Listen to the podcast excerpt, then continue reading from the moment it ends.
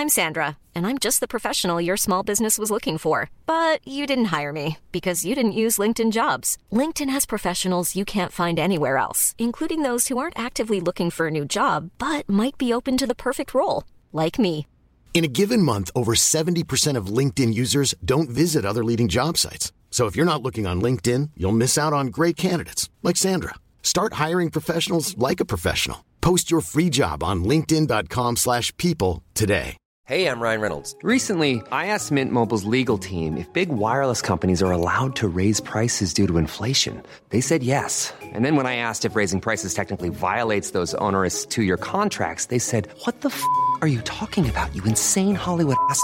So to recap, we're cutting the price of Mint Unlimited from $30 a month to just $15 a month. Give it a try at mintmobile.com slash switch. $45 upfront for three months plus taxes and fees. Promo rate for new customers for limited time. Unlimited more than 40 gigabytes per month. Slows. Full terms at mintmobile.com.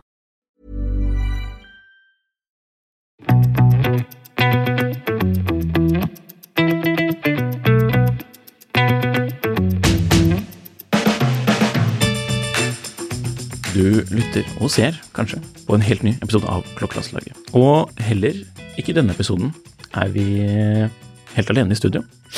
Fordi vi har besøk av Andreas Bakkemo, og kanskje så kjenner du som hører på, han fra Den norske klokkeveien allerede, for han er jo egentlig brandmanager for eh, Raymond Vale, Montblanc, Luminox og Mondaine, da, hvis man eh, kjenner til det. Men dette er jo jobben hans. Men på privaten så har han også drevet med andre ting, altså så kanskje man også kjenner han som Fake Watch-busta. Det var jo kanskje et av klokkeinteressens største sånne fenomener for eh, ti år tilbake i tid. Eh, så først og fremst, velkommen til Andreas. Tusen takk for det. Veldig hyggelig å være her, og veldig hyggelig å være her med, med dere to. Ja. Og ja, jeg har jo vært ganske lenge i det norske klokkemiljøet, ikke bare med det du nevner, men også at jeg sikkert har samla nå i over 15 år. Så da blir det jo sånn at man møter mange andre samlere på veien og, og blir en del av, av hva man skal si, de andre klokkesamlerne og, og den hyggelige sfæren der. Mhm. Du har jo også vært eh, på tidssonen registrert lenge også. Ja, veldig lenge. Ja. Der har jeg gått under eh, Jeg har et eh, forkjærlighet for gamle TV-spill, så jeg heter Guybrush Treepwood, som er jo hovedkarakteren i Monkey Island-serien. Så, så det har liksom vært mitt, eh, mitt alter ego i, i alle år på, på tidssonen, tilbake til sikkert 2006 eller noe. Mm. Ja. Når var det dere møttes første gang, Jo Henrik? Jo, det vet jeg faktisk. For også, også husker kanskje de som er old school tidssonere, de husker at du også var moderator en periode. Stemmer det? Og det tror jeg du var når vi møttes, og det er vel Jeg tror det var på en sånn uh, Patek Philippe-middag Ja, stemmer det. Det var i Oslo. Ja, det var Bjerke som hadde da bygd om i den ene altså butikken i Karl Johans gate til en ren eh, Patek Philippe-utstilling. Og så hadde de da eh, en middag eh, oppe i Kollen, tror jeg, Ja, eh, med, der de viste frem alle, alle Altså hele kolleksjonen til Patek Philippe mener jeg, på det tidspunktet det nærmest var på, på bordet der. Mm. Inkludert eh, perpetual-kalendere og mange andre morsomme ting. Og det tipper jeg var kanskje i 2014, eller noe sånt noe. Mm, ja, det kan stemme. Mm, 2014 absolutt. eller 2015. Tida flyr. Tida flyr. Og da, hvis det var i 2014, så var jo det på høyden til uh, denne fake watch-busta-profilen, da. Ja, det var jo en konto som, eh, som begynte i det små, egentlig på tidssonen, sånn på bakrommet på, på tidssonen, og, eh, og så bare gikk det viralt og begynte å, å gå ganske crazy etter hvert. Da særlig når mange store rappere og kjendiser kom med, med bevisbare falske klokker. Og så, og så ble det noe som eh, alt fra Time Magazine til, til store eh, nyhetssteder rundt omkring i, i verden plutselig skrev om, og da rant jo følgerne inn, og så ble det en, eh, ble det en greie, liksom. Ja. Vi kan kanskje komme litt tilbake til det. Ja, jeg syns vi, jeg synes vi egentlig må si først, liksom, for de som ikke har fått med seg fake watch-bussa, da. Hva er konseptet her? Hva er det denne For det er en Instagram-konto, men hva, er det, hva var konseptet her, eller? Ja, konseptet begynte jo da med at i, tidlig på Instagram så var, viste jo folk frem klokkene sine på hashtagger, liksom. Hashtag Rolex. Og i dag så er jo det millioner av bilder, men på det tidspunktet så var jo det en liten klokkenerdekjerne der. Som, som, og, og det som kanskje var veldig interessant, det var jo det at du kunne google et litt sånn obskurt referansenummer, og så plutselig fikk du bilder av klokka du kanskje ikke hadde sett så mange bilder av tidligere, så ellers det var vanskelig å finne bilder av på forumet. Og i min søken rundt som, eh, som ivrig ny Instagram-bruker, så dukka det opp en del sånn falske klokker på de hashtagene der. Og da syns jeg det var litt sånn humoristisk at folk både hadde hashtagga de her, eh, hvilken klokke det var, og da prøvde å liksom, eh, kan man skal si, sånn, vise verden at her har jeg skikkelig dyr klokke, og så var den eh, ganske åpenbart eh, falsk. Og så, og så er jeg jo litt sånn nerd av natur, eh, og da eh, hadde jeg jo både i min iver å ikke bli lurt sjøl, men også at jeg syns det er interessant og på en måte, jeg synes jo Det som interesserer meg med klokka i utgangspunktet, er jo den detaljrikdommen er så enormt stor, da. At du har fire centimeter med, med, med lerret, og så har du detaljer da som er, som er eh, veldig, veldig sånn millimeternivå på, eh, og under det, liksom, på detaljene i skivene. Og det er jo som det, og det er da man ofte kan, kan avsløre de, de falske klokkene, som, som, som jeg syns er interessant. For du har jo da de sveitsiske verkene har jo noen avstander på sine ting, hvor datovinduet skal stå, eller kronograf, subdialene skal stå. Og så er det mange som tenker at det er utrolig vanskelig å se da kanskje noen av de her klokkene at de er falske, at man må se på andre ting, men i mange tilfeller så kan man jo da, fordi at de må sette et verk fra et kinesisk verk eller noe inni der, så vil jo avstandene på mange av de tingene avvike da fra normalen. Og så er jo ting blitt bedre og bedre i den falske verden også, hvor de da kloner kanskje 31-35 verket til Rolex og, og gjør det vanskeligere enn det har vært, men det vil jo alltid være avvik og, og ting som man kan, man kan se. Man ser jo bare hvor vanskelig det er å fake Pokémon-kort, altså bare det å få fargen på det originale Pokémon-serie 1-kortene er nærmest umulig fra den gangen det var printa originalt, og sånn vil det jo være på alle ting som folk prøver å lage en, en kopi av, vil det jo være avvik fra, fra sånn som det produseres på den ekte fabrikken. da. Så den ble jo, profilen ble jo ganske stor eh, på et eh, visst tidspunkt. Ja, Og så stoppet du. Men jeg tror vi må stoppe historien her og så gå litt sånn, spole litt tilbake i tid. For eh, hvordan var det liksom du ble interessert i klokker?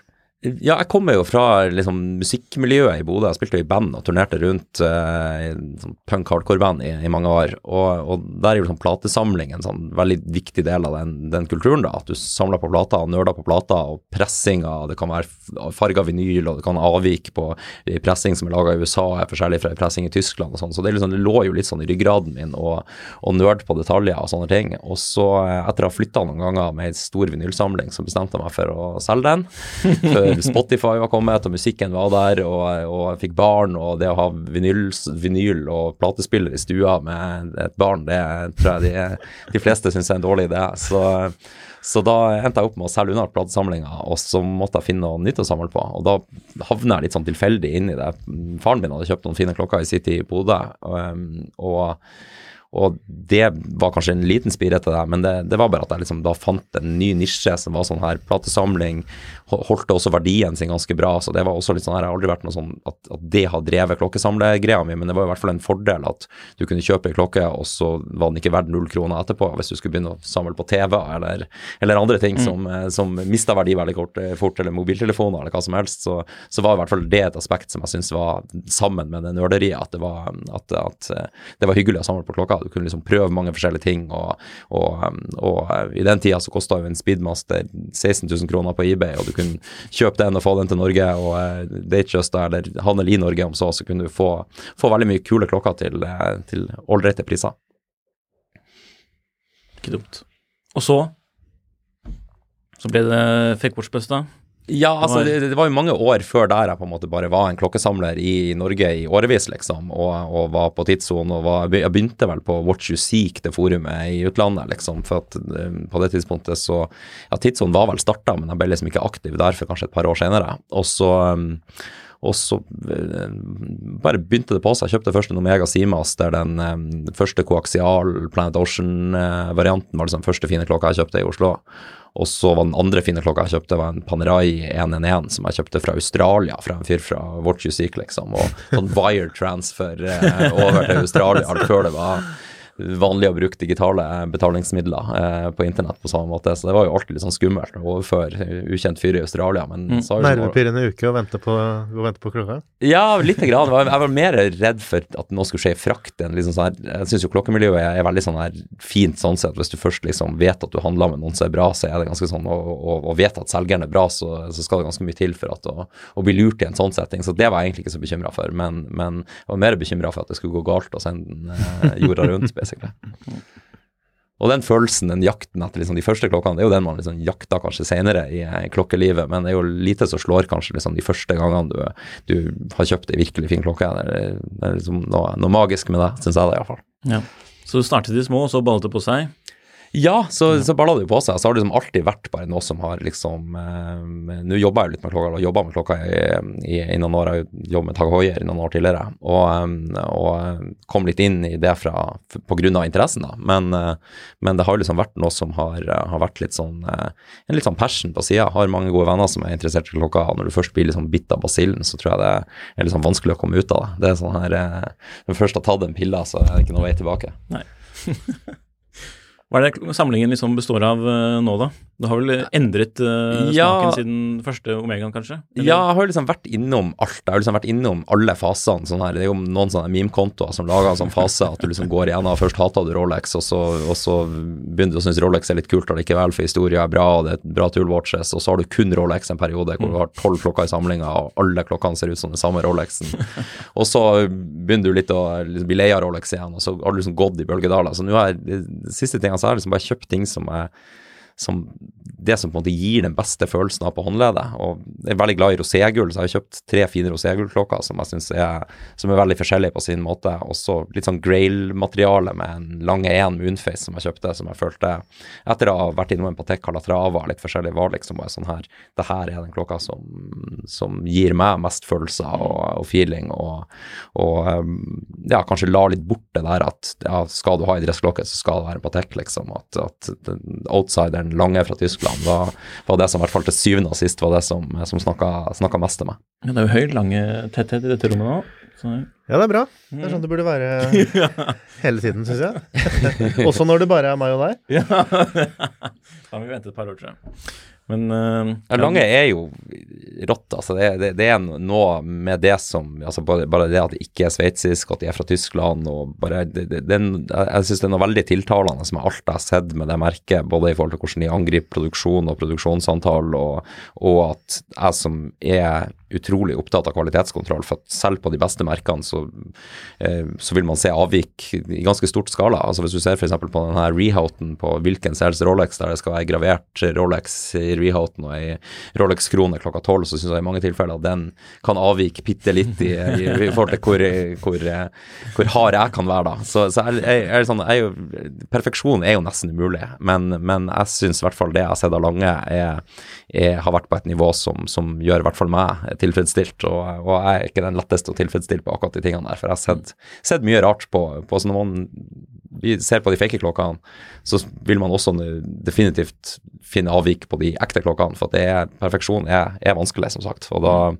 og da syns jeg jo at det blir ekstra spennende med de, de merkene, eller de om så enkeltklokkene de har fått til, der, der perfeksjon rett og slett er sånn høvelig på plass. Ja. Mm. Så du har jo ikke med noen vintage-klokker i dag, og vintage-klokker er jo ikke nødvendigvis noe sånn per def uh, alltid perfekte. Så er, Nei, det, er det en greie hos deg, eller? Jeg var jo innom vintage-greia uh, en periode. Jeg hadde en, en sinnssykt sånn strøken 1680, altså ikke red sub, altså en hvit 1680, som var bare helt så perfekt som du vil i vintage-verden, liksom. Mm. Patinert på, på, på, med sånn eh, litt sånn lysebrun, eh, god feeling på eh, matchene mellom viserne og, og, hele pakka, og alt originale datohjulet og alt det. Men jeg vet ikke, det var et eller annet med meg, så jeg, jeg fikk nesten ikke sove om natta i forhold til at tritiumen skulle ramle ut av viserne, og, og, og, litt den her, litt den her så, så vintage, jeg liker veldig godt på en måte det jeg ser. Jeg har jo noen kompiser som er veldig inn i vintage.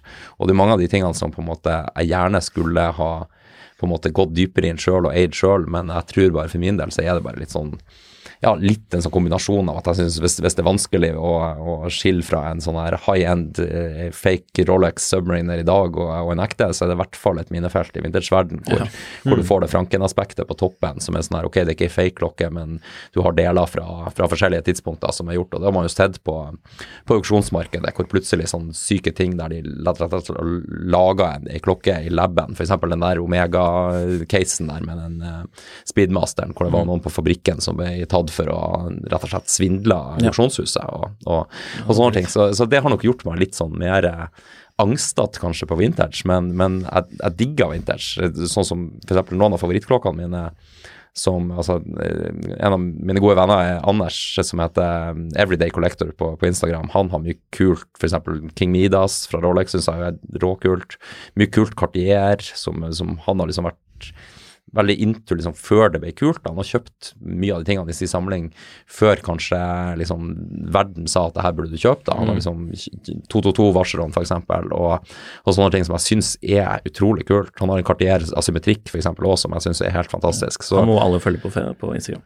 Så, så, så det er jo liksom sånn Han er jo en som inspirerer meg til liksom smaken min og de tingene som jeg, jeg digger. Selv om vi har to helt vilt forskjellige samlinger, så tror jeg jeg føler liksom at sånn, sånn her Hodet mitt, sånn, hva jeg liker, står definitivt veldig sånn i vintageland, men, men jeg tror sånn samlingsmessig så tror jeg det skal mye til for at jeg ender opp med en sånn vintagesamling sjøl, da. Men, men jeg elsker å nerde på det, jeg elsker liksom designet og, og historikken, og de tingene blir jo mer spennende når det er lengre historie.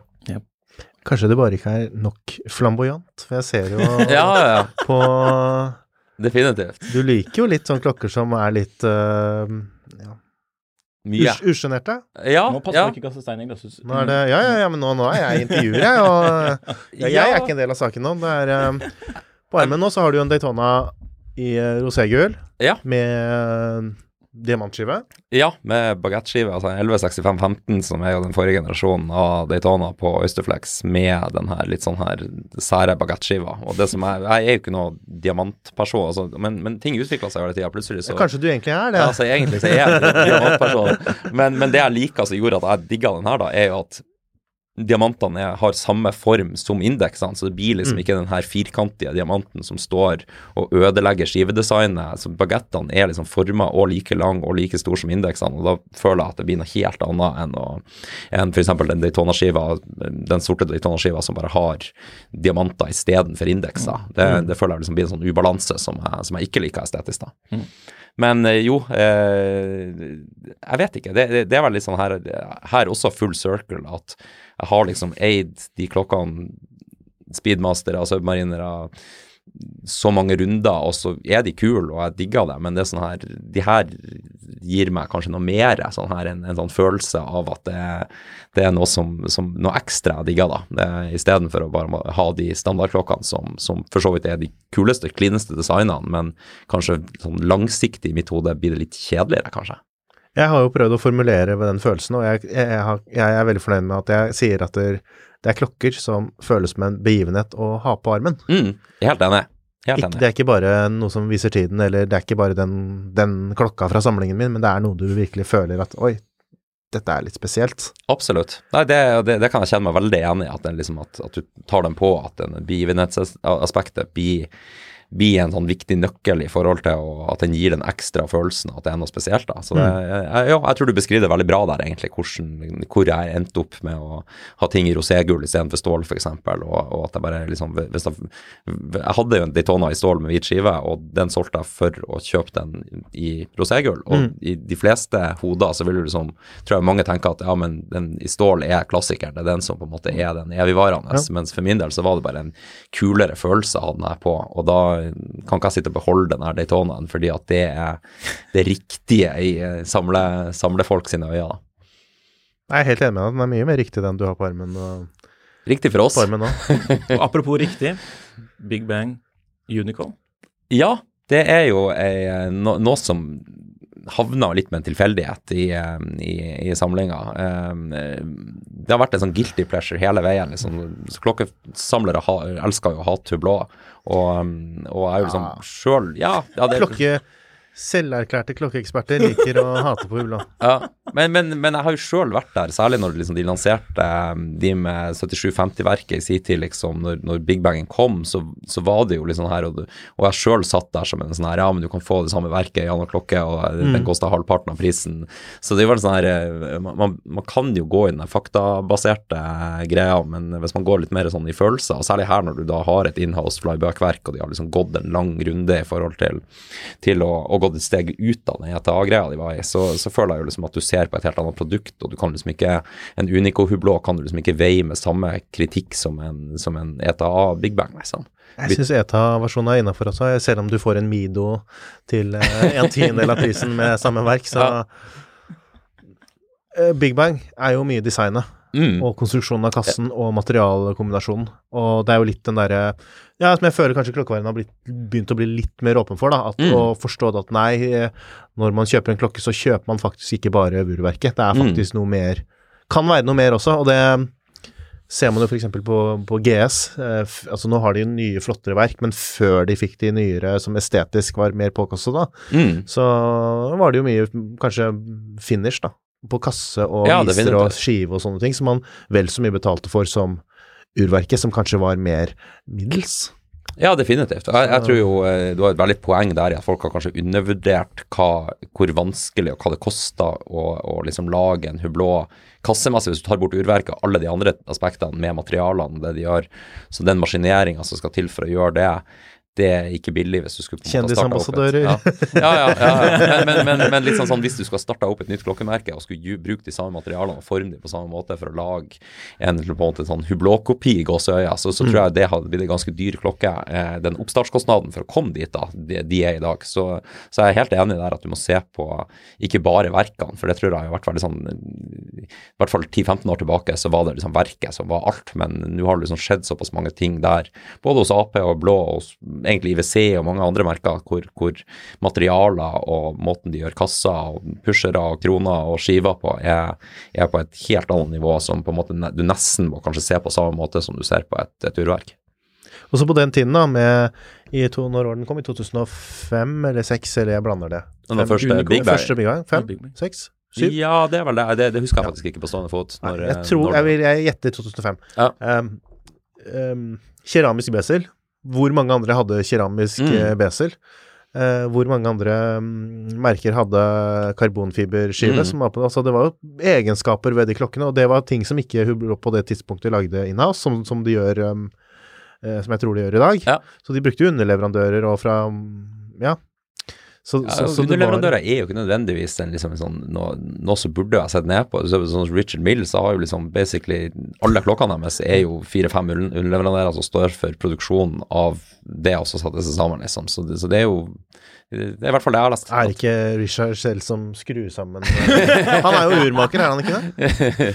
altså Der er det jo liksom high end underleverandører som lager helt ville ting som gjør at de kan gjøre banebrytende ting både verkmessig, men også kvartskassa. De tingene de har, de har gjort, er jo, er, jo, er jo ikke et inhouse-merke, og det har aldri vært et statement. Og det er det jo på mange av disse veldig, veldig high end eh, merkene eller, eller indiene også. Altså Mm. Man har jo ikke de, de muligheten til å gjøre de tingene inhouse. Altså Philip får, det er jo ikke, han sitter jo ikke og spikker ut en kasse av, eh, av, av eh, gull selv. Nei, absolutt. Og det ser du bare på Lange, som bare har tre eller fire også. underleverandører på kassene sine, og, og stempler de med stolthet i forhold til hvor de er laga. Det syns jeg jo er en veldig sånn her Lager ikke skivene. Nei. Lager ikke Ja, mye Nei, de gjør det de er gode på, og så setter de sammen. Så, så, så jeg, jeg, ja, jeg, jeg føler ikke at det trenger nødvendigvis være noe du skal bruke imot hvis, hvis det er en underleverandør som er supereksperter på ett element, så, Mm. så blir jo det en bedre klokke til kanskje en lavere pris, kontra da skulle nødvendigvis eh, integrere det her i,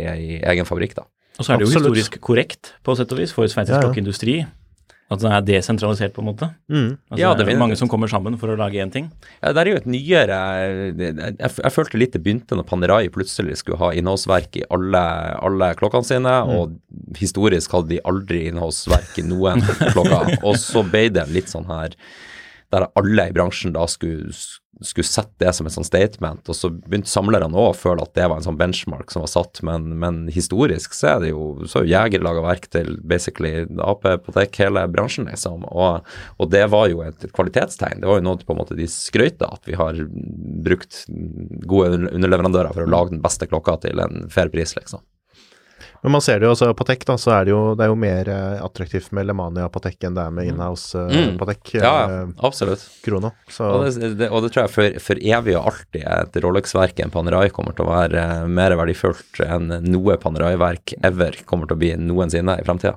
Rolex Absolutt. vil fortsatt ikke vedkjenne seg det, kanskje. Nei, men det er litt sånn myte, da, Sånn, sånn det der, og det er Eller det er en sånn sannhet som er, som, som er sånn Det er sånn 80% sant at inhouse er bedre, og så er det Eller at det er liksom noe å trakte etter, og så er det de siste 20 avgjørende prosentene hvor det er noen nyanser da, som er viktige, som du sier. og Mm. en annen myte som Eller jeg, jeg i hvert fall kaller det en myte, da, og det, siden du var litt inne på det tidligere med dette her med perfeksjon og det der. Mm. Um, hvis man skal tenke litt rasjonelt på ting, da, for, for nå har det jo blitt veldig inn med disse små indie-produsentene osv. Og, så videre, og jeg tror også der har det begynt å bli en del myter, da, sånn i forhold til det at nei, det lille merket der med han som blir laget av han urmakeren, altså, det, det må være mye høyere kvalitetskontroll enn et eller annet større merke, da. Men, Mm. men du har jo vært på fabrikkene, du vet jo hvordan det Absolutt. en dude som sitter i et lokale og, med støv og, og Ja, mye ting, da, og masse Ja, ja. fikling frem og tilbake for å få ting på plass. Altså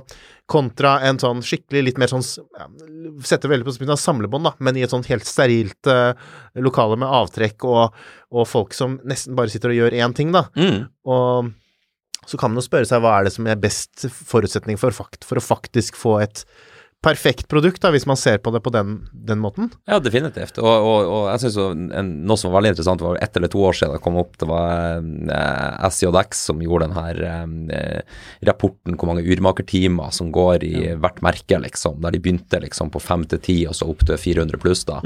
Og der var jo selvfølgelig da Omega og Rolex helt i bunn på antall urmakertimer som går i hver klokke, men jeg føler jo det blir en sånn veldig sånn På, én måte så er det veldig interessant i high end-segmentet hvor mange at Lange og Patek bruker mange timer på, på å på å finansiere verker og gjøre det bra, men, men, men det er ikke noe tvil om at Rolex og Omega i dag, når det kommer til liksom kvalitet på både verk og, og kvalitetskontrollen på begge de merkene, så er den veldig høy. Selv om man på en måte kritiserte det litt sånn innledende her, så er det veldig høyt. Men mm. perfeksjon, som jeg var inne på, er er en sånn umulig standard for, for, å forholde seg til, men i forhold til forutsetningene, hva de gjør og hvor mange klokker de produserer, så vil jeg jo si at det er veldig veldig høyt nivå. Altså skyhøyt nivå, hva de, hva de, hvor lite avvik de har i produksjon på millioner av klokker i produksjon. Og jeg tenkte også litt i retning av liksom disse Altså, det fikk, har jo kommet en del nye merker de seneste årene, da, eller mindre merker med hvor det er liksom en um, to-tre personer da, som kanskje står bak, og så er det også kontra um, Og nå blir det jo litt inn på det du jobber med, da, med Mont Blanc, altså kontra siden du var inne på urmakerteamet. For der også husker jeg at Mont Blanc kom veldig høyt opp, eller Villerea Mont Blanc kom veldig høyt opp på denne rankingen, at de brukte mye tid. Mm. Men der har man jo fortsatt på den type merker, da, altså, og da tenker jeg også på Sånn umiddelbart så tenker jeg på Mont Blanc Villeray, og så tenker jeg på eh, på eh, Ferdinand Bertou, Mm. som jo er Chopard, og hvor man har de fasilitetene, og man har utstyret, man har infrastrukturen, da, til å kunne lage veldig perfekte klokker. Absolutt. Og, og, og man har en viss mengde folk som har ekspertise innenfor et veldig smalt område ofte. Ja, definitivt. Og jeg tenker da at det må jo være liksom Hvis man skal søke etter liksom Så nærme man kommer perfeksjon, da, i forhold til både eh, hva skal jeg si, finish og kvalitetskontroll, ikke minst, Mm. så tror jeg nesten at en sånn type eh, produsent kan være bedre en Eller kan ha mindre avvik enn en, enn en mindre Ja, enn to-tre personer Som sitter og inne, inne på et lite kontor hvor de ikke har kanskje Ja, definitivt. Eh, Uten å drive med noe, noe reklame, så, så, så mener jo jeg at Minerva-fabrikken, som hvis man ser bort fra branding, så tror jeg jo de kanskje produserer noe av det mest high-end klokkene som finnes i markedet i forhold til pris. da, At, at liksom sånn, de, de starter på 300 000-400 000, og du får klokker da som er, som er over lange og over på tech liksom, i finansiering. Og det, Mm. og det tror jeg ikke er subjektivt, det tror jeg er ganske sånn objektivt vurdert i forhold til liksom, hva du betaler. At du må Ja, ja. dobbelt det kanskje for å få noe fra de, fra de mer etablerte merkene. da, Så, så, så definitivt et poeng der at, at den her levelen der, at du på en måte, det, det er nok stor fabrikk på en måte til at du, at du får den punchen, og samtidig så er det lite nok til at du, at du får kvalitetskontrollen, som er, så du får en sånn bra kombinasjon, da. Life is full of awesome what ifs, and some not so much, like unexpected medical costs. That's why United Healthcare provides Health Protector Guard fixed indemnity insurance plans to supplement your primary plan and help manage out of pocket costs. Learn more at uh1.com. Hiring for your small business? If you're not looking for professionals on LinkedIn, you're looking in the wrong place. That's like looking for your car keys in a fish tank. LinkedIn helps you hire professionals you can't find anywhere else, even those who aren't actively searching for a new job but might be open to the perfect role. In a given month, over 70% of LinkedIn users don't even visit other leading job sites. So start looking in the right place. With LinkedIn, you can hire professionals like a professional. Post your free job on linkedin.com/people slash people today.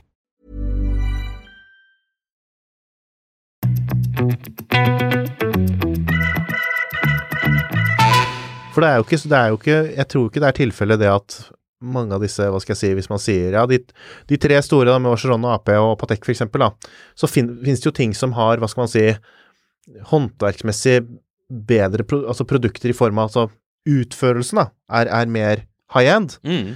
Men det har jo ikke noe med at ikke de kan gjøre det, men det er jo mer det, altså i form av det at de, det er ikke der de opererer, det er ikke den type produkter de lager, da. Mm, absolutt. Så, men, men liksom den derre Ja, jeg er litt sånn, syns det er litt spennende, da, den der ideen med at det, For det virker som veldig mange tror det, at man må være en sånn ensom urmaker som sitter oppe i en eller annen hytte med vedfyr og, og sitter og lager klokker, at det gir de beste klokkene. Men der er jeg litt i tvil, og jeg tror også det med Hvis noen hadde gått inn med en makro et mikroskop Ja. på en del, av, en del klokker som eh, har blitt hypet ganske høyt, da, Ja.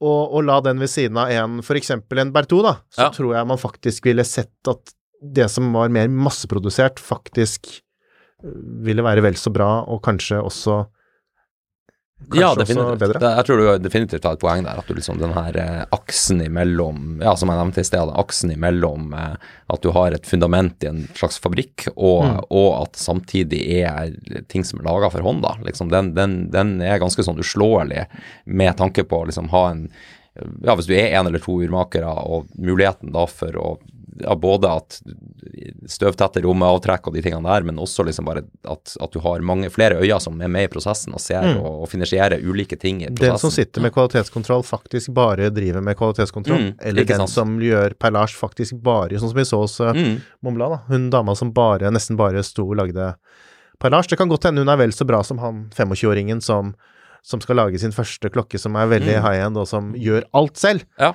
definitivt. Uten og det kan bare være- ha med erfaring og, og sånn å gjøre også, men uh, Det kan liksom ikke være Ja. lovlig å være effektiv. så Nå sier jeg ikke det at det ikke er mulig å lage en, en superbra klokke sånn, men det er liksom Savner kanskje litt sånn edruelighet sånn i noen diskusjoner og noen sånn syn på ting, da. Og, litt, og det går jo også litt i det samme som dette her med at inhouse alltid er best og så videre. Altså. Mm. Det er Absolutt. mange nyanser i klokkeverdenen som man kanskje bør ja, sette seg litt mer inn i og, og Til syvende og sist så tror jeg jo sånn, sånn, sånn som liksom med de klokkene jeg valgte valgt med litt sånn her eh, flamboyant eh, stil, så, til syvende og sist så kommer det jo ned til liksom noe smak og følelser, hva hva det gir til til syvende og sist. Og etter Mm. 15 pluss år som, som klokkesamler, så har man liksom vært igjennom alle de bølgene med, med ting og tang, og, og til syvende og sist så er det jo en sånn subjektiv oppfattelse at, at hvis folk føler en sånn connection til en sånn independent urmaker, så har den faktoren veldig mye å si. Ja, det er Eh, også- det, uten tvil, liksom. Så det, og, og sånn er det jo med, med musikk og alt mulig. altså det, den, den subjektive følelsen du har i forhold til hva du, hva du liker, vil jo eh, definere veldig mye. Og så har man jo alt det innimellom hva, hva folk mener er de liksom objektivt beste klokkene. At folk må ha en Speedmaster, må ha en Submariner, de må liksom ha en Patek Calatrava. At det er liksom sånn no, noe, det klassiske aspektet på toppen. Men, men jeg syns jo eh, det er gøyere når man, man, man kanskje blander de to tingene. Man får noe som på en måte har ei, et klassisk design, men som også kanskje har den her X-faktoren som er litt sånn her eh, at det, at det er litt sånn magisk å ta på seg klokka, syns jo jeg. Det, synes jo jeg er en, en, en veldig god følelse. Du, du har, eller hadde vel også en litt spesiell klokke, en sånn Q... Kudokke Ja, Kudoke, eh, den eh, Jeg hadde en sånn tek- K2. eh, Det var jo liksom min dykk litt sånn inn i independent-verden, og jeg likte den egentlig, egentlig veldig godt. Altså sånn rundt 100 000 kroner så får du da der du har eh, altså en dag-natt-indikator på skiva som er helt håndfinansiert, og et verk som er utrolig flott og håndfinansiert. Det er et verk du deler med Habring, som, som Eller utvikla sammen med Habring, også er det kanskje Kudoke som bruker det. Eh, men jeg endte opp med å selge den til en samler som, eh, som, som også syntes det var fascinerende, litt av at uh, hyttekjøp og andre ting som, eh, som kom, i, kom i økonomien på det tidspunktet. Men det var ei klokke som jeg, jeg ble veldig fascinert av at for meg så var det noe sånn her, her får du mest independent urmakeri for pengene, og det tror jeg også er litt sånn, han er fra Tyskland, så han er liksom, han kan ikke kaste på seg den sveitser, sveitser eh, som du automatisk får i Sveits da, så han jobber litt sånn mer utfordrende i forhold til det, og jeg synes, Han vant jo GPHG-prisen med eh, denne Petit Agui, heter det på det tidspunktet, som var, jeg tror de har delt opp den prisen i dag, men da var det vel Ja, de har den fortsatt, men den er, de har fått en som ligger under. Ja. Men tidligere så var dette her jo liksom den innstegs Ja, beste under si? under eh, 10 000 euro på det tidspunktet, tror jeg vel det var. Og, og, og Nei, jeg vet ikke. Det, det er klokka klokke som jeg syns jeg, Det er noe som jeg i hvert fall vil anbefale veldig som en sånn her hvis man vil dykke inn i independent-verden uten at det skal koste hundrevis av tusen, altså halv million eller flere millioner, som det ofte vil koste i, blant de, de største merkene. liksom. Og det tror jeg vi har nevnt også, Kudoki og, Ha- Habring. Ja. Habring også har jo en, i hvert fall det av det jeg har sett, da, som veldig bra altså, Og da er vi kanskje inne på det med kvalitetskontroller, at det er konsistent, da. At det Mm. ikke er noe avvik i For øh, Og det må man jo skille litt mellom, da. Det der med Jo, det fins definitivt klokker som har en høyere grad av finish i forhold til hvordan finishen er, hva slags type finish det er, Mm. men utførelsen er utrolig bra på Habring, og det har man også sett, Definitivt. og liksom Ja. QC og sånn, og, og det samme med, med Kudoke. ja, definitivt. Og, Habring var jo på samme sted som Richard Mill på den listen til SJX med antall timer, da. Eller i hvert fall det samme intervallet. Det var vel 30 til 100 Mm, ja. timer per Mm. klokke. Og Der var både Richard Mill og Habring i den gruppen. Mm. Ja, uten at det kanskje er helt sammenlignbart, for det er to Ja. så forskjellige typer klokker, men det sier jo et eller annet i hvert fall om hvor mye litt sånn, kom i passion som er la- lagt inn i det, i hvert fall på et, et lite nivå i hvert fall. Eller hvor, hvor mye ekstra man betaler, eller hvor mye rabatt man får per klokkeglede, liksom, eller et eller annet. Ja. Nei, men det mener jeg sånn genuint, at både Habring og Kudaki er bra, veldig bra value for money, og det var det vi tok opp også, tror jeg, som en sånn value proposition, nesten, da. Ja, Sånn, der, der, er jo, der, der føler jo jeg at kanskje samlere i Norge kan være litt kjedelig til tider. At liksom sånn, du, du kan få en håndlaga klokke fra Habring eller Kudoke, og så kjøper du heller noe standardvare som alle de andre har. Og, men selvfølgelig, jeg skjønner det, fordi at både toolwatches er spennende, og mange av de, altså både Habring og Kudoke, det, har det er jo ikke toolwatches, og da har du med en gang liksom eliminert 80% av klokkesamlerne i Norge, nærmest. Og, så, så det vil jo spille inn. så det jo, altså, så Man må jo like klokka, men, men i forhold til liksom pengene man betaler for andre ting, så er jo det helt fantastiske ting, liksom, som kanskje er sånn langt bedre verkmessig og finishmessig enn en veldig mye av den standardvaren som, som er i butikkene. Mm. Nå fikk jeg lyst på Habring.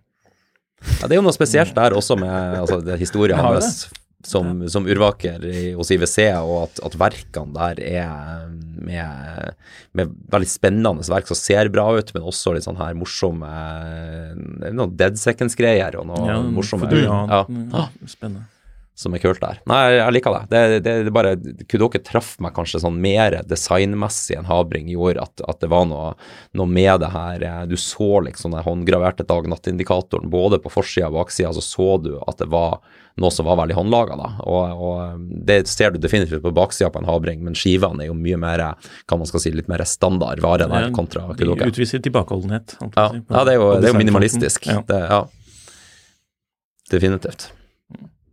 Skal vi ta dere tilbake til Fake Watch Fake Buster? Watch Buster, eller? Mm. Ja, det kan vi gjøre. Det kan vi gjøre. Det, det, Husker du når du starta den uh, kontoen? Um, nei, jeg husker ikke akkurat årstallet. Når, når det, det må jo ha vært 2000 og, eh, 2013, 14 Ja, noe sånt kanskje.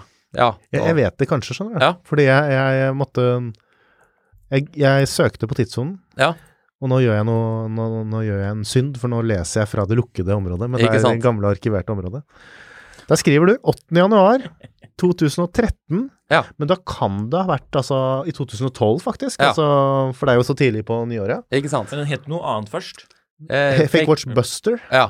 Så ble jeg sletta fra Instagram etter Måtte du starte på en nytt? sånn stor basketballspiller sikkert fikk noen advokater i sving.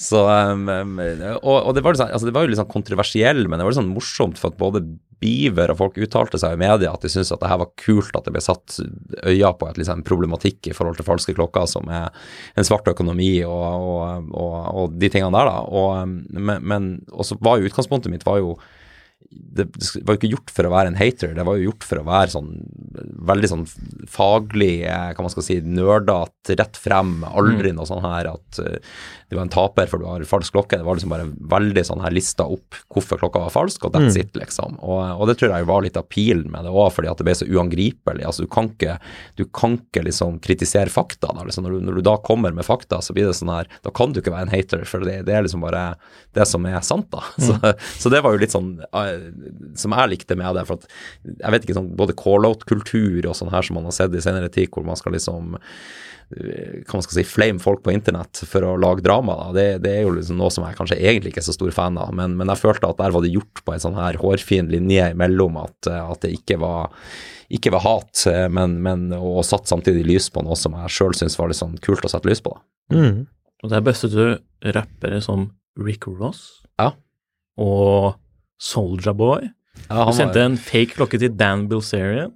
ja, som han for rundt i eh, og laga en sånn her eh, vill video på YouTube før meg, da, der han for og skøyt klokka med sniperrifler og shot- shotgunner rundt i, i, i ørken med sånn her, eh, sånn her sånn slow motion-kamera, hvor du ser det liksom sånn her, du kan se akkurat når kula går inn og knuser glasset på noen sånn fake hubloer Og, og, ja, det er morsom, morsom sak, det der. Den videoen finner dere i fotnotene, mm, for den har du jo postet på den uh, kontoen som du nå har revivet opp, på en måte. Ja, på en måte, altså, er, altså, har, altså, ambisjonene mine det er, ikke, det er jo ikke å starte opp kontoen på nytt igjen som en sånn ny fake watch-busta-æra. Jeg, jeg har jo lyst til å på en måte ja, komme og snakke om klokka som jeg syns er spennende. Da. Så nå har jeg vært og filma med han jeg nevnte, eh, Anders, som er Everyday Collector. Vært og filma eh, fem forskjellige Midaser som, som jeg tror ikke har vært visst og sett så mye av tidligere, med boks og liksom den her urna eller vasen og de tingene. Så jeg har liksom lyst til å prøve å kanskje vise frem at det ikke liksom bare er enda en eh, anmeldelse eller en video av en samme Daytona eller Submarineren som, som, som mange gjør. Så, jeg, så jeg, i hvert fall, sånn, sånn, det blir veldig nisjete, men det er det jeg liker. Så, så det er litt sånn her Jeg blåser egentlig litt i om jeg på en måte mister masse følgere og den biten der. Jeg har bare lyst til å lage det som jeg sjøl Det contentet som jeg sjøl har lyst til å, å, å se av andre på, på Instagram. Så, så får det bare være på det nerdenivået som, eh, som jeg syns er kult, da. Men på et tidspunkt så slettet du liksom hele arkivet på den profilen, eller var det før du sluttet? Ja, altså det var, det var jo litt sånn her at jeg, jeg følte jo litt sånn her at skal det stå til evig tid på internett at en fyr hadde ei falsk klokke tilbake i 2015, liksom sånn her. Altså det, det, sånn her det, det var kanskje relevant der og da i, i ei uke eller to, men så følte jeg jo på et tidspunkt at det er sånn her Ja, det, det får være grenser for liksom hvor, hvor, hvor lenge det her skal stå og, og, og, og til spott og spe, da. Men har du inntrykk av det at de som ble bustet, at eh, ble det liksom gjort med overlegg at de kjøpte disse klokkene, tror du? Eller er det at de har, hatt, har trodd at det har vært ekte og blitt lurt? eller? Der var det jo noen sånne her juvelører som jeg tror fikk shoutouts fra rappere, og så fikk de rapperne klokka de trodde var ekte, og i Mm. mange tilfeller ekte diamanter, for de for jo rundt med diamanttesterne og se om det er ekte diamanter, og så trodde de at da var klokka ekte. Mm. Så i mange tilfeller så var det jo ekte diamanter i falske klokker, og, og, og det var jo sikkert da en sånn ultimat miks for de juvelørene da for å spare penger. De visste at diamanttesteren den eier alle rappere med respekt for seg sjøl, har en diamanttester hjemme, og det var det første de kom til å sjekke. Og hvis den passerte diamanttesten, så vil de aldri å bry seg om om, om klokka var ekte, da.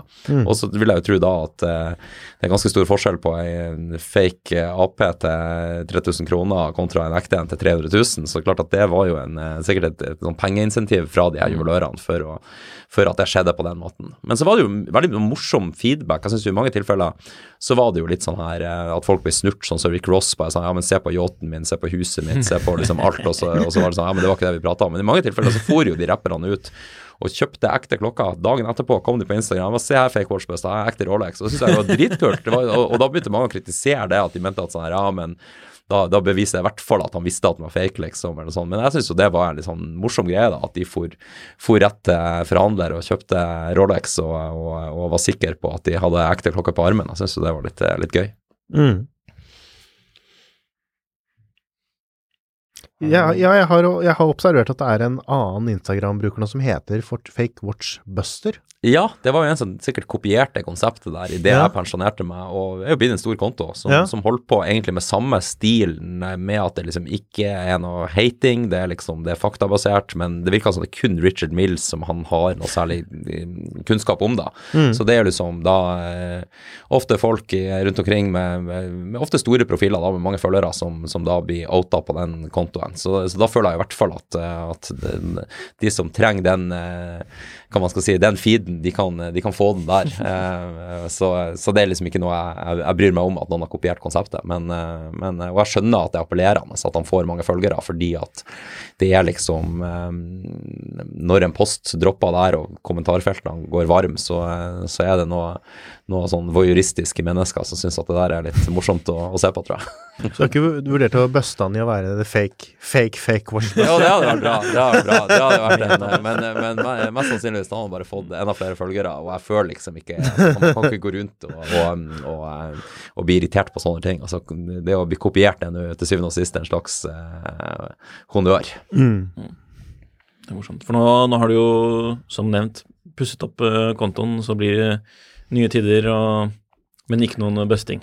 Nei, det altså, jeg har ikke gjort så mye der ennå, men, men enn så lenge så, så nå lærer jeg meg bare egentlig litt å makrofilming, gjør ting og tang, og så, så gjør jeg det sakte, men sikkert. Jeg har ikke noen sånn lang strategisk plan hvor jeg har lagt masse tid. Altså, det er jo et sideprosjekt på sida av jobb som jeg gjør for at jeg syns det er gøy med, med klokka. Så, så får vi se hva det blir. Det, jeg syns jo det er veldig gøy å lære meg med video og videoredigering, og, og få tatt bedre og bedre filmer av, av ting, syns jeg, synes jeg er veldig morsomt. Så, så får vi se hvor det fører. Så, så den Midas-videoen blir vel liksom den første ordentlige videoen jeg jeg legger ut på den kontoen, da, som, eh, der jeg skal ja, prate litt om historien til Midas, og hvorfor den kanskje er litt sånn undervurdert, føler jeg, da, i forhold til at de fleste velger kanskje en daydate foran den. eh, Hun har gjort det historisk. Nå begynner den jo å bli litt sånn hottere. Rihanna kom med Midas, eh, The Weeknd kom med Midas. Eh, og så syns jeg historia til den, med at den er Genta-designa, det var liksom eh, Elvis Presley ligger på Graceland på utstilling der, han hadde den. Og så tror jeg liksom mange trodde at på et eller annet tidspunkt Scaramanga, en Bond, hadde også den Man with the Golden Gun, hadde den, men uh, etter litt research så fant jeg ut at det ser ut som en slags sånn Altså, Mi- Midasen er jo asymmetrisk, og så finnes det jo noen symmetriske Midaser. Og det som ser ut som han Scaramanga, en Bond har det, altså, det ser ut som en symmetrisk sånn middagsaktig skive, men så er det sånn Piaget-aktig lenke. Så jeg, jeg er veldig sånn spent på hva den klokka er. Det er i hvert fall ikke en, det er i hvert fall ikke en standardprodusert eh, Midas i den vanlige Midas-kolleksjonen. Har du den- den prøvd filmen. parfymen? Jeg har prøvd parfymen. Ja. Den, hvordan, eh, hvordan lukter den? den eh, er jo fra 60-70-tallet, så eh, det er veldig musk-aktig muskaktig basert lukt. Så jeg vet ikke hvor, hvor lang hold, Musk eller mugg? jeg, vet ikke hvor lang holdbarhet parfyme har, men, mm. men den, den lukta for så vidt godt. Altså, men, eh, men kanskje litt stramt. Ja. For den klokken kommer med parfyme, det må vi kanskje fortelle. Ja, Ja, kompisen min der har jo da den originale parfymeflaska som er for Jeg vet ikke om alle klokkene kom med det, men det var vel en sånn typisk gave som sikkert noen kunder Ja. fikk, men så kommer da i en sånn fin gaveboks, og så er parfymeflaska forma som den asymmetriske middagskassa. Og, og det er vel halv parfymeflaske igjen der, men jeg tviler vel på at den blir brukt opp med det første. Det er kult.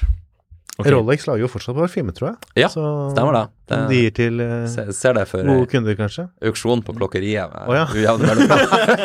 Er det noen som byr, da? Ja, det jo- tror det. Tror det. Men jeg vet ikke, jeg, jeg har en følelse av at det er en, en, en, en dameduft, kanskje, den her eh, Rolex-parfymen. Men jeg skal ikke si for sikkert. Mm, sånn unisex. Den, den sto på toalettet hos Rolex når jeg var der, Ja. men jeg luktet ikke på den. Så jeg vet faktisk ikke hva den lukter. Det skulle jeg gjort, Det da. skulle du gjort. Ja. Du kunne nesten eh, solgt sånn duft av Tatt- deg. tatt den i baklomma. Ja. Jeg har jo et sånn der gullkorn på Finn i dag, da. Ja, som er litt Sånn relatert til Som er litt relatert til det vi har snakket om. Det er både en Richard Mill, eller det er jo ikke det, men det er jo fake. Ja. Og den har greid å sno seg inn på Finn og ligget der i en hel måned. Oi! For det er vel egentlig ikke lov å selge fake på Finn, slik jeg har forstått det. Nei, det er jo ikke lov. Så vi må jo lov, anbefale vel? Dette er jo ikke et gullkorn på- som vi anbefaler å kjøpe, dette er jo buyer beware. Eller altså do not buy, beware.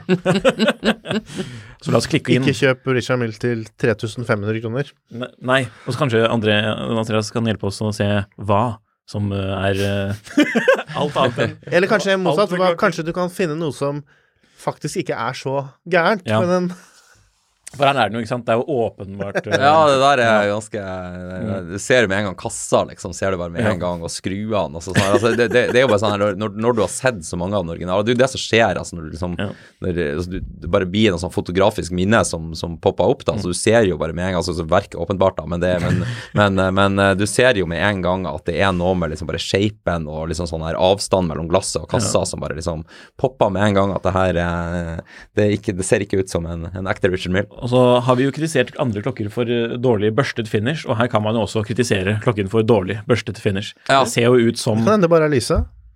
Nei.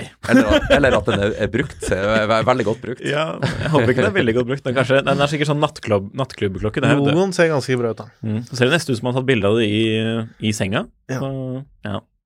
Nei, buyer beware, holdt jeg på å si. Eller do not buy, kanskje. Ja. Hva, er det- hvis du skulle anbefalt en annen klokke til 3500 kroner, som naturligvis er riktig, hva skulle det vært? Å, vanskelig. Det, det har jeg ikke tenkt på på eh, lenge. Jeg blir vel eh, sånn Moonsports. Ja. Nei, jeg, jeg vet ikke. altså sånn der, det, der er jo liksom også Jeg, jeg syns jo Moonsportsen er, er gøy, selv om det er, er jo ikke ei bra klokke. Men jeg synes Du har jo en. Ja, jeg har en rød Moonswatch med sånn eh, Ja, det er jo den Mars-utgaven. Og det er ikke noe som er blitt brukt veldig mye. Men, eh, men nei, jeg, jeg vet ikke. 3500 kroner. Jeg tror jeg Nikolai må nesten hjelpe meg litt. i forhold Nei. Jeg har fått, Nikolai jeg, jeg, jeg har fått kritikk for å nevne én klokke altfor mange ganger. Sånn, ja. Fikk en kommentar som lurte på om Nikolai var, hadde noen sponsoravtale med Seigo. Fordi Ikke sant? Ja, men det er jo veldig lett å gå til Seiko til enhver tid. Og så er jo liksom Altså, jeg har alltid vært veldig glad i Certina og Tissot. Jeg syns jo det har vært veldig bra value for penger. Det har blitt dyrere. Ja, men så har Mm. det liksom gått ut av det segmentet hvor du, du får ikke um, De er nærmere 10 000 i dag, så, så det 3500 kroner-segmentet syns jo jeg blir ganske vanskelig på. Jeg tror jeg nesten hadde gått for ei kvartsklokke, derfor jeg nevnte Moonswatchen. at- Citizen? Ja. Citizen, veldig bra. Veldig bra. Veldig bra. Men, det, har, det eh, har det jo noe med å gjøre, har- det må jo disclose. det- Men, det- men det er fakta, da. Det er fakta, da. Det føler jeg ikke jeg helt har lov å si, men, men, men eh, jeg syns jo det er superfint. Mm. Det, og særlig den nye serien der med liksom fargerike skiver, selv om alle har gjort de fargerike skivene etter Rolex, så føler jeg jo at det er eh, veldig kult. Det er de som, går, som- de som koster eh, 1000 og går som en farsott. Ja. Ja. ja. Mm. Men, men ja, litt over 1000. Men eh, du, du tenker kanskje på den Casioen som kommer Å ja, sorry, ja. Tiffany-skive til Ja, Kvarts. Eh, det er kvartskasio. ja, Mm. Kanskje, kanskje, ikke sant. Ja. Ja, men Citizen, ja, de har jo den der andre ja, sant? litt sånn Ja, Jeg, ja, ja. jeg, jeg, tenker, jeg tenker på de litt som sånn Datejust-aktige. Ja. Ja. Selv om det kanskje, en, er kanskje enda mer uh, Oyster Quartz-aktig. Ja, det kan du si. Sånn, Det kan ja, du si. Med litt sånn kanta kasse Mm. og, og Tissot PRX-aktig. Ja, Mm. altså, ja, Ja, Rolex PRX er jo kanskje ei klokke jeg ville Men er anbefalt. litt for dyr, det, men det er for kanskje tre- da er du- hvert fall for, eh, automatikk. Ja. Kvarts brukt innafor, er det det? Ja. Mm. Nei, da tror jeg heller ville hatt Citizen automatikk, men det er meg.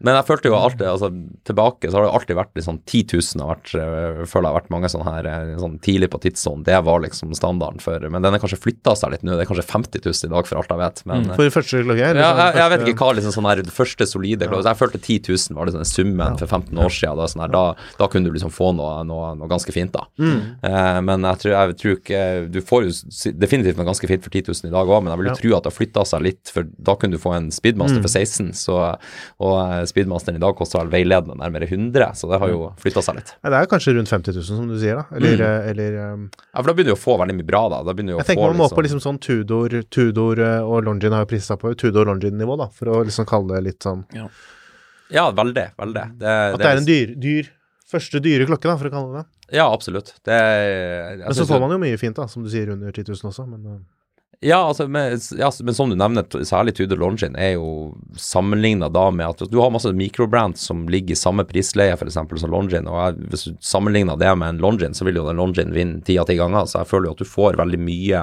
for pengene i, i det prissegmentet eh, rundt, rundt der, da. Mm. Og kanskje særlig Tudor, som, er, som eh, virkelig har Virka som de ønsker å lage noe av det beste til rundt 30 000-40 000 som er, som er mulig å lage. mm. Utvilsomt. Ja, snart er det lunsj. Du er sulten i dag? Vi, vi må jo nesten ha en episode til med deg, Andreas, og slash fake watchbustad. Um, så har vi kanskje Kanskje vi skal vise klokkene til de som er så heldige å få lov å se på denne på YouTube, det burde vi gjøre. Ja, eh, før vi avslutter. veldig gjerne. Eh, Så kan jo, Det må eh, jo. Nikolai eh, Jeg må jo prøve Unico. Som, som liker eh, Det har vært guilty pleasure til Nikolai, den den Unicoen også, så det er jo, det er jo hyggelig.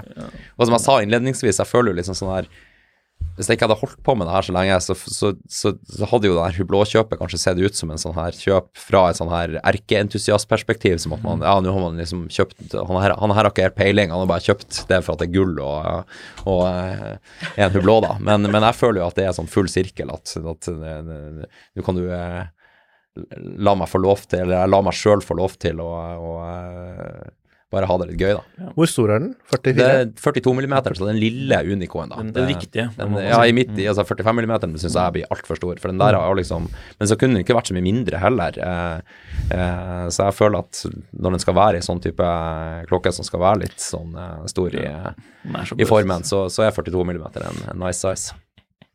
Og den lange er jo 38,5, men, men jeg føler jo det blir veldig sånn subjektivt i forhold til hvilken kasse det er. For jeg, jeg, føler f.eks. 41 mm Oyster Perpetual, det syns jeg blir ei veldig stor klokke.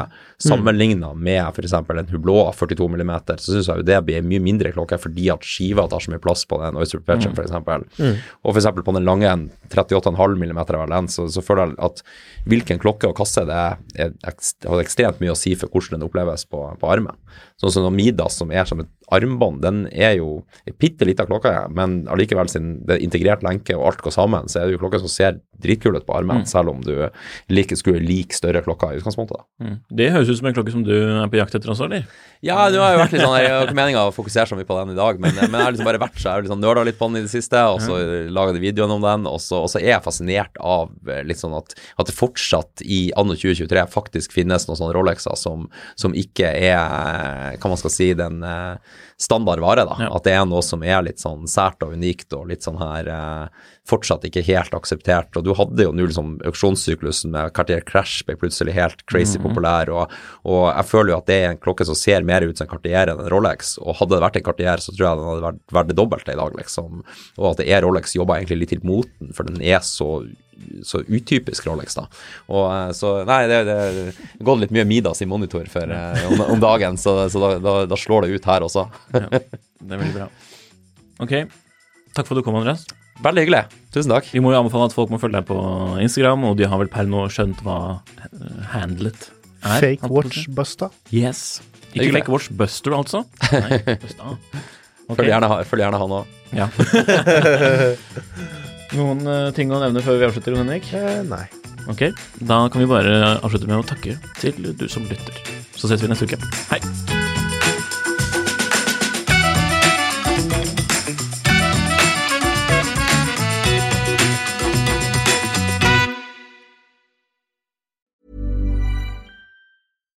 Deserves the best, and there's no better place to shop for Mother's Day than Whole Foods Market. They're your destination for unbeatable savings, from premium gifts to show-stopping flowers and irresistible desserts. Start by saving 33% with Prime on all body care and candles. Then get a 15-stem bunch of tulips for just $9.99 each with Prime. Round out Mom's menu with festive rosé, irresistible berry chantilly cake, and more special treats. Come celebrate Mother's Day at Whole Foods Market. Hi, I'm Daniel, founder of Pretty Litter. Did you know cats tend to hide symptoms of sickness and pain? I learned this the hard way after losing my cat, Gingy. So I created Pretty Litter, a health monitoring litter that helps detect early signs of illness by changing colors, saving you money and potentially your cat's life. Pretty Litter is veterinarian developed, and it's the easiest way to keep tabs on your fur baby's health right at home. Go to prettylitter.com and use code ACAST for 20% off your first order and a free cat toy. Terms and conditions apply. See site for details.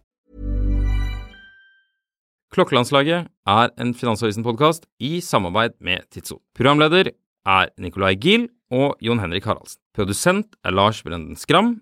Podkast- og videoansvarlig er Marius Mørk Larsen. Og ansvarlig redaktør er Trygve Hegnar.